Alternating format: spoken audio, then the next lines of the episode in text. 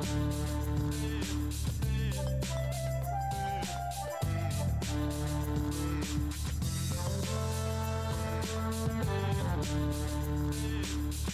på Bærum biblioteks podkast Studio 44.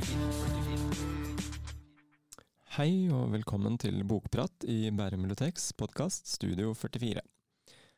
I denne episoden skal vi presentere tre bøker på ti minutter. Og I studio er vi to bibliotekarer. Mitt navn er Bent Inge, og med meg har jeg kollega Åshild. Velkommen. Eh, Temaet for dagens podkast er eh, debutanter. Eh, Jeg skal starte med en fransk debutant, og eh, det er eh, forfatteren Antoni Passeron eh, med boken 'Sovende barn'. Eh, Dette er en fransk lærer som har skrevet noe så ja, jeg vil kalle det en page-turner om starten på aids-epidemien på 80- og 90-tallet. Det er en selvbiografisk roman uh, som er todelt. Annethvert kapittel er uh, om familien som bor uh, i en landsby utenfor Nis, og den medisinske historien. I den biografiske familiehistorien så får vi møte forfatterens onkel Desiree, som var sprøytenarkoman og heroinmisbruker, eh, og en eh, kort eh, del også om datteren til Desiree, Emilie, som da er kusinen til forfatteren. Eh, Parallelt med dette så er det da den medisinske historien om kappløpet mellom USA og Frankrike. Eh, og da blir vi presentert for oppdagelsen av viruset, og hva slags virus var det, hvor kom det fra? Eh, og kampen for å forstå sykdomsforløpet, og selvsagt hvordan de skulle kunne bekjempe det. Og tross et alvorlig tema, så er dette en ganske usentimental og eh, saklig og nøkternt skrevet eh, bok. Familien, oldefaren til forfatteren, bygger opp et slakteri i landsbyen som blir ganske anerkjent, og familien får et godt rykte og har litt status i landsbyen. Og eh, unge Desiree, eh, han eh, drar tidlig ut i verden, eh, og får mye frihet av familien som eldste sønn. Um, og havner etter hvert i Amsterdam, og um, ja, ender opp som rusmisbruker til slutt. Uh, han kommer hjem til landsbyen, um, der han blir smittet av urene sprøyter og får aids. Og I denne familien så snakker de ikke så mye om vonde ting og følelser, og de prøver å skjule sykdommen og skammen.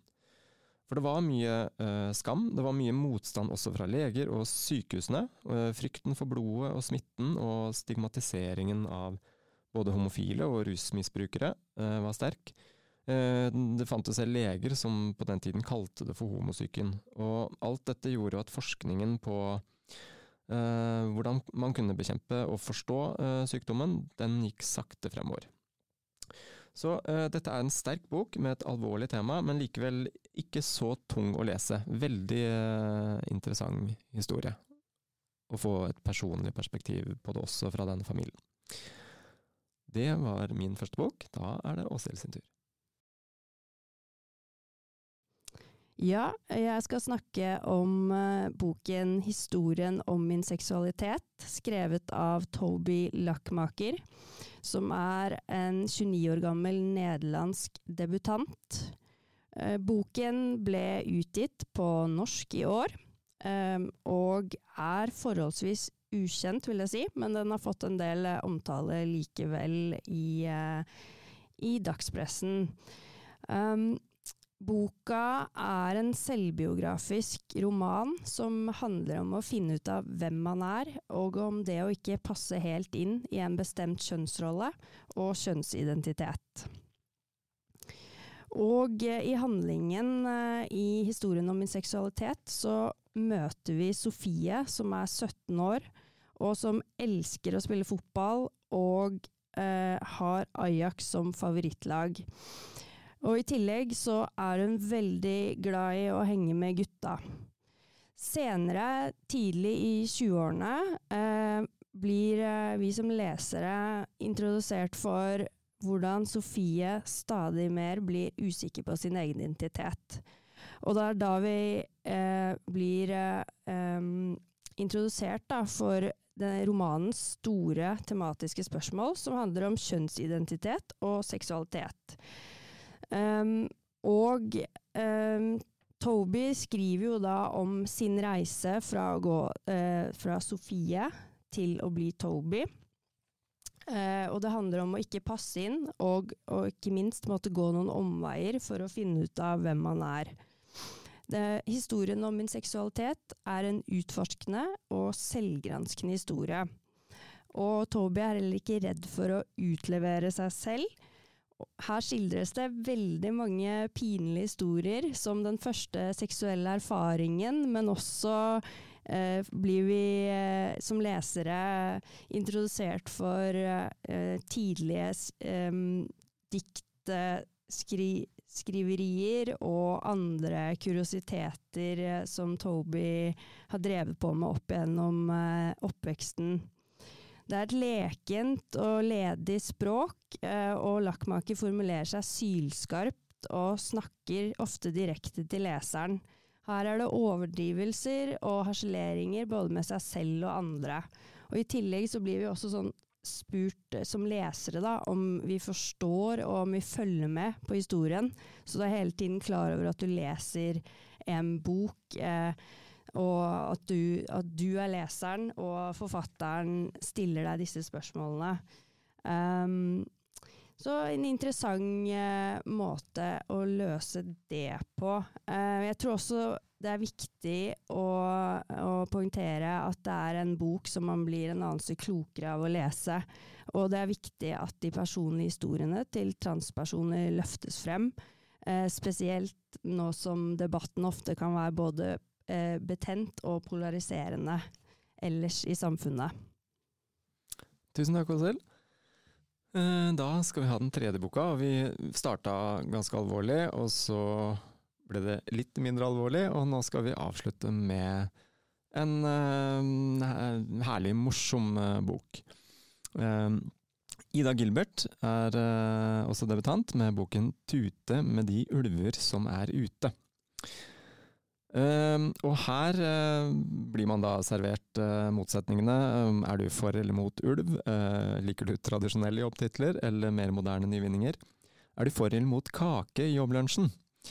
her er det et skråblikk fra flere sider, og jeg tror at det er mange som kan finne noe å humre av her, uansett hvilken side du er på i alle disse spørsmålene. Eh, vi møter Aslaug, som er kommunikasjonsansvarlig i den ideelle organisasjonen Framtid med visjon. Hun er uh, i ferd med å miste den idealistiske drivkraften hun en gang hadde, og nå er det mer driv etter et kakestykke til lunsj som uh, holder henne gående. Hun har passert 30, føler presset fra voksenlivet, og nå har organisasjonen også ansatt en dame med navn Karen Britt, som nesten blir noen slags nemesis for Aslaug. Hun tar alt på det dypeste alvor, og uh, er en slags stereotyp uh, på fasiten av det mange ville si er politisk uh, Eller ja, det mange vil mene er fasiten på politisk korrekthet, i alle sammenhenger.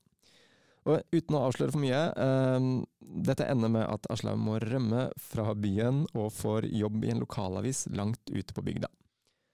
Der er det kampen mot ulven som er uh, det viktigste stridsspørsmålet. Uh, vi blir kjent med en del lokale karakterer som gjerne har sammenblandede roller som både politikere og sauebønder. Um, og Aslaug utfordres jo da av en del andre syn. Hva er viktig i tilværelsen? Uh, og hvordan altså, ser hun selv på naturen og ulven, og kan, når hun da møter de som lever tett på det. Så uh, ja, det ender blant annet opp i en fyllerangel i en badestamp med det lokale, men hun må jo også prøve å ivareta en slags integritet som journalist. Og kanskje byr muligheten seg også til et endelig oppgjør med Karen Britt. Den som leser, får se. Dette her er i alle fall en herlig satire over både bygd og by, og moderne jobbtitler og konservativ stahet. Og ikke minst språklige og samfunnsmessige endringer som vi må forholde oss til. Eh, satt på spissen, men eh, på en veldig morsom måte. Så det var eh, våre tre debutanter. Da skal vi bare si tusen takk fra oss. Takk for meg. Og så, eh, hvis du vil høre flere podkaster fra Bærum bibliotek, så finner du oss på Spotify og SoundCloud der du hører denne podkasten. Tusen takk.